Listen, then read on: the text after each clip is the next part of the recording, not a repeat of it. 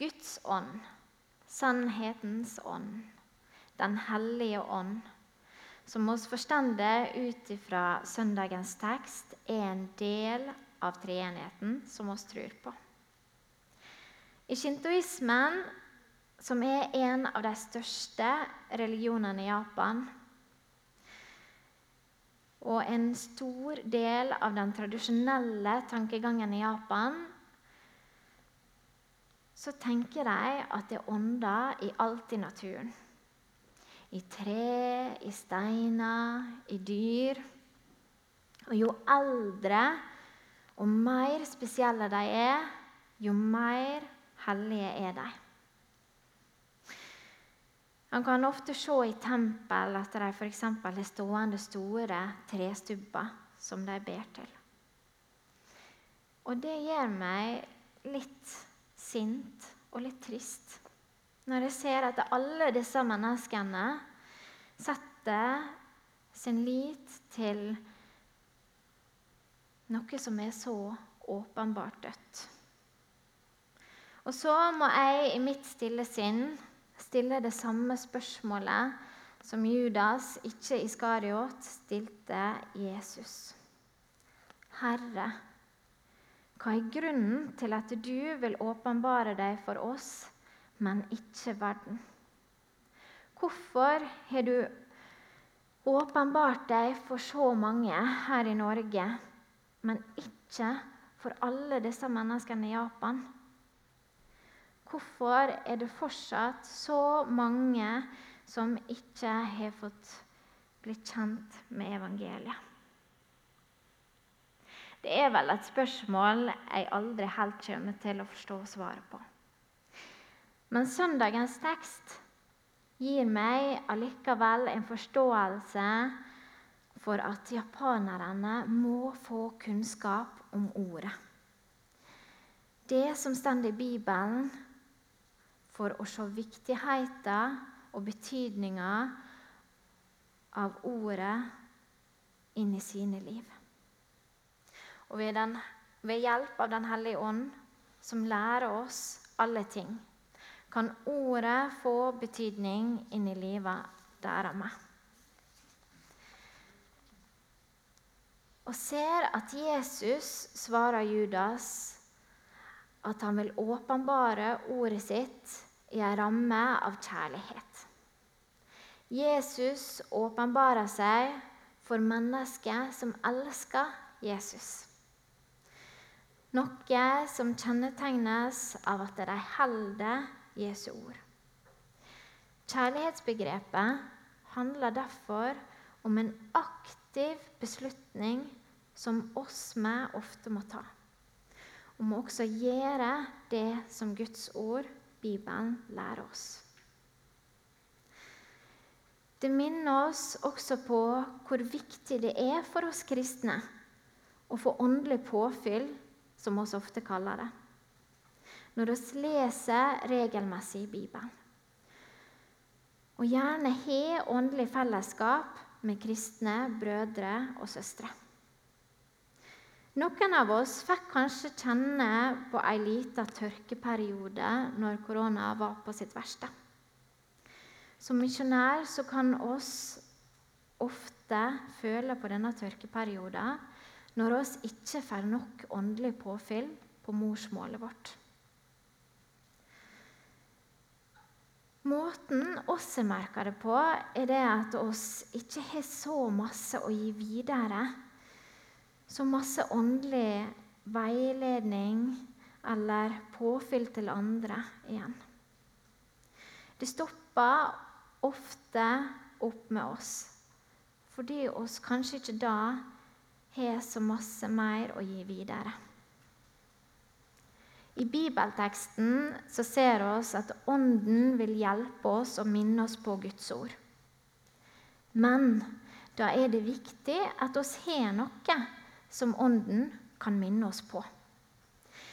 Vi må ha med oss verktøyet til Den hellige ånd, Guds ord, Bibelen.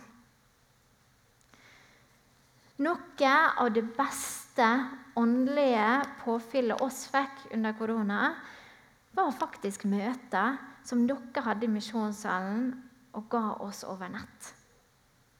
Både til oss voksne, men også søndagsskolen sine videosnutter som ble favoritten til Aron. Disiplene hadde vært nå ganske masse i lag med Jesus. Og jeg kan tenke meg at de var ganske vant nå til å tilbringe tida si i lag med Jesus og de andre disiplene. De hadde hatt mange hverdager i lag, delt frustrasjoner og glede. Og høgtider i lag.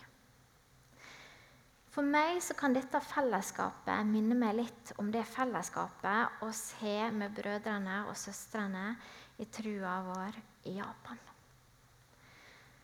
Og Rett før vi skulle tilbake til Norge, så hadde vi konferanse der alle utsendingene våre i Japan var i lag. Og En av våre nære familievenner fra en annen organisasjon var invitert til å ha bibeltimene for oss. Vi har kjent hverandre helt siden vi studerte på språkskolen. Og jeg siden den gang fått barn bare noen uker fra hverandre uten at det på noen måte var planlagt. Som dere sikkert skjønner, så har vi vært masse i lag. Og da James, faren i familien, hadde bibeltimene for oss, så snakka han om det å holde ut som misjonær i et land som Japan. For det er et land du virkelig må holde ut for å nå ut med evangeliet. Et land der du fort kan bli åndelig tørke for oss kristne. I bibeltimene så tok han fram et bilde som jeg har tenkt masse på i ettertid.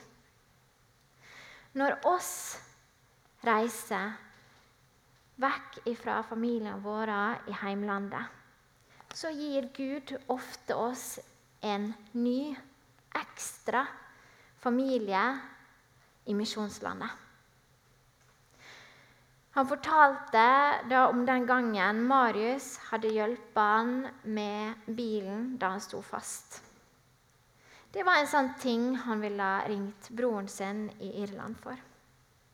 I Japan så kunne han ringe Marius. Et annet eksempel er fra da vi flytta til huset vi har bodd i de siste fire åra i Japan. Da titta det to av naboene plutselig opp fra gjerdet ved nabohuset og sa på engelsk We are Christians too! Og så kristne oss med. Det var tydelig at jungeltelegrafen virka i det nye nabolaget med. For det hadde oss ikke sagt at vi var kristne. Jeg tror på mange måter at ja, de har vært våre japanske besteforeldre. Spesielt Kanji, mannen i familien. Han, Marius og Aron var ofte i lag. Om det var for å ordne i hagen, plante ting, eller om det var i snekkerboa for å lage barneleker. Han stilte alltids opp. Vi fikk tidlig vite at når de ble kristne, så ble hele familien deres kristne. Begge sønnene og dattera mi.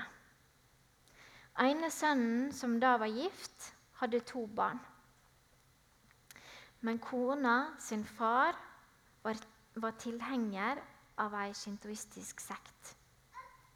Og han sa til henne at hun måtte bare ta med seg ungene og forlate mannen sin nå når han hadde blitt kristen. Og det gjorde hun.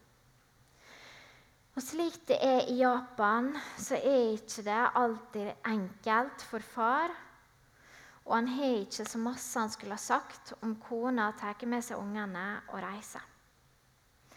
Så etter at han ble kristen, så fikk han bare møte ungene sine én gang i måneden. Og besteforeldra fikk aldri se barnebarna sine mer.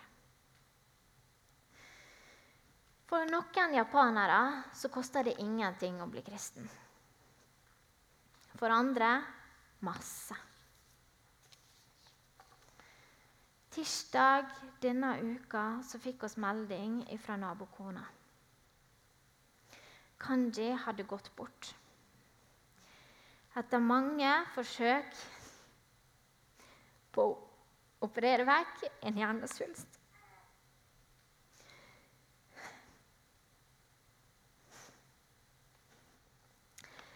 Også hadde fått vist at han skulle opereres før vi reiste tilbake til Norge.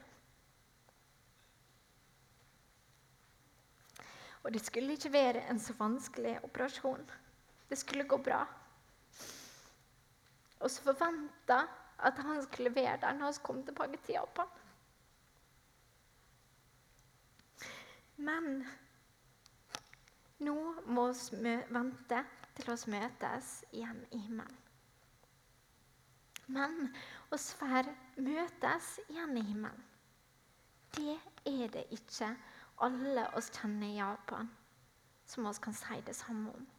Dessverre. Disiplene hadde gått sammen med Jesus i lang tid og blitt nære som en familie i tru. Så skulle kjernen av det hele gå vekk fra dem. Selv om Jesus forsikra dem om at dette var for det beste, så vil jeg tro at de hadde blanda følelser. Om de i det hele tatt forsto at han nå ville i fysisk form forlate dem. Jesus ville ha dem med på å forkynne evangeliet til hele verden. Derfor tok han plass ved Gud den allmektige Faders høyre hånd. Og derfor har Jesus og Faderen sendte Den hellige ånd for å utruste oss til tjeneste. Livet i tjeneste er ikke alltid så lett. Om det så er i et misjonsland eller her hjemme i hverdagen som kristen. Det tror jeg mange av dere kan skrive under på. Men når livet vårt er uvisst og usikkert, hva er det å sitte igjen med? Hva fester oss vårt håp til når alt rundt oss er uvisst og utrygt? Slik som vi kan tenke oss livet til disiplene kom til å bli nå når Jesus reiste hjem til far. Så sa Jesus til dem, 'Fred etterlater dere.' Ikke den freden som verden gir, gir jeg dere. La ikke hjertet deres forferdes. Frykt ikke. For det som er i verden, vil dessverre ikke bli bedre. Det gir oss ingen fred. Det er ingenting oss kan verken kjøpe eller fylle livet vårt med her på jorda som kan sammenlignes med den freden som Jesus ønsker å gi oss.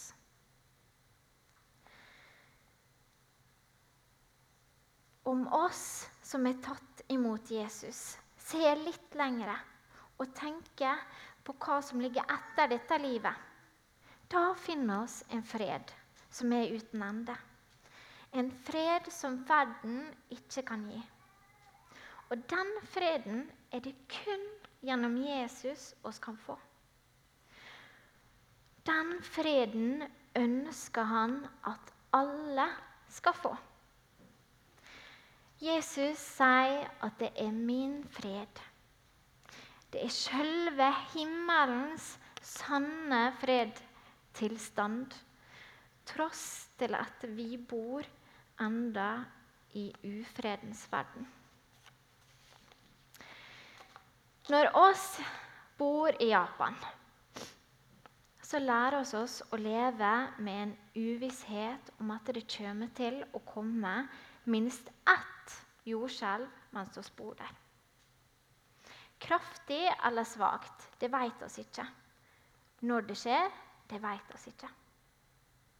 De har gode varslingssystem, men det vil si at om du er heldig, så får du på det kjappeste tre sekunder for varsel.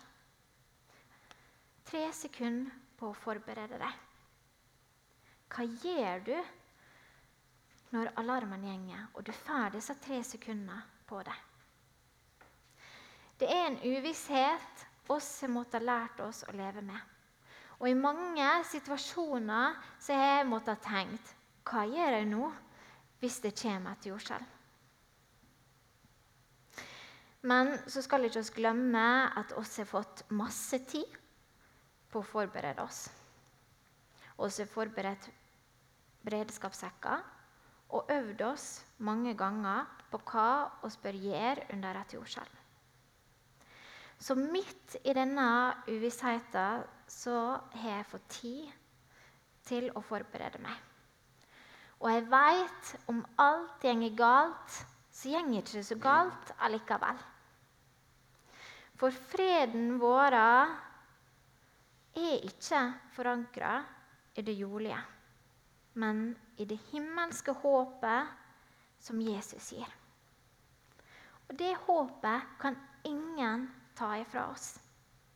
Men vi kan gi den videre til andre. Jesus kjente til planen. Sjøl om han skulle hjem til faren, så var det her en begynnelse på vår relasjon med den treenige Gud. Hvor Ånden skulle få være sammen med oss som vår talsmann, advokat, trøster og hjelper. Så skal Ånden få vekke liv i Guds ord, som vi er så heldige å få bli kjent med i våre liv. Så kan vi be om at ordet skal få vokse i de menneskene oss deler det med, både her i Norge i Japan, og der å sende folk for å forkynne evangeliet, det gode budskapet. Jeg vil avslutte med å be litt. Kjære himmelske Far, jeg takker deg for denne fine dagen. Jeg takker deg for alle disse menneskene du har sendt hit i dag. Og jeg ber for de som ikke kom hit i dag må du være med oss alle sammen. Lede oss der du vil oss skal gå. Og jeg ber om at du sender Den hellige ånd og leder oss og hjelper oss. Herre Jesus, takk for ditt gode ord, Bibelen. Takk for at oss har fått bli kjent med det og kan ha det med oss i livet vårt. Jeg ber for alle som ikke kjenner ditt ord.